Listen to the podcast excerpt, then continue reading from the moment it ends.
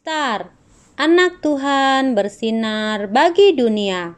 Renungan tanggal 20 Maret untuk anak balita sampai kelas 1 SD.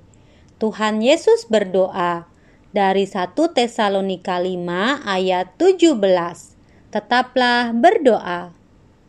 Mentari, mainnya sudah ya. Sekarang waktunya tidur. Besok masih hari sekolah loh. Iya, Mah. Mama temenin Mentari tidur dulu sebentar ya. Yuk, kita ke kamar. Sebelum tidur, kita berdoa dulu. Mentari mau berdoa? Oke, Mah. Mari kita berdoa.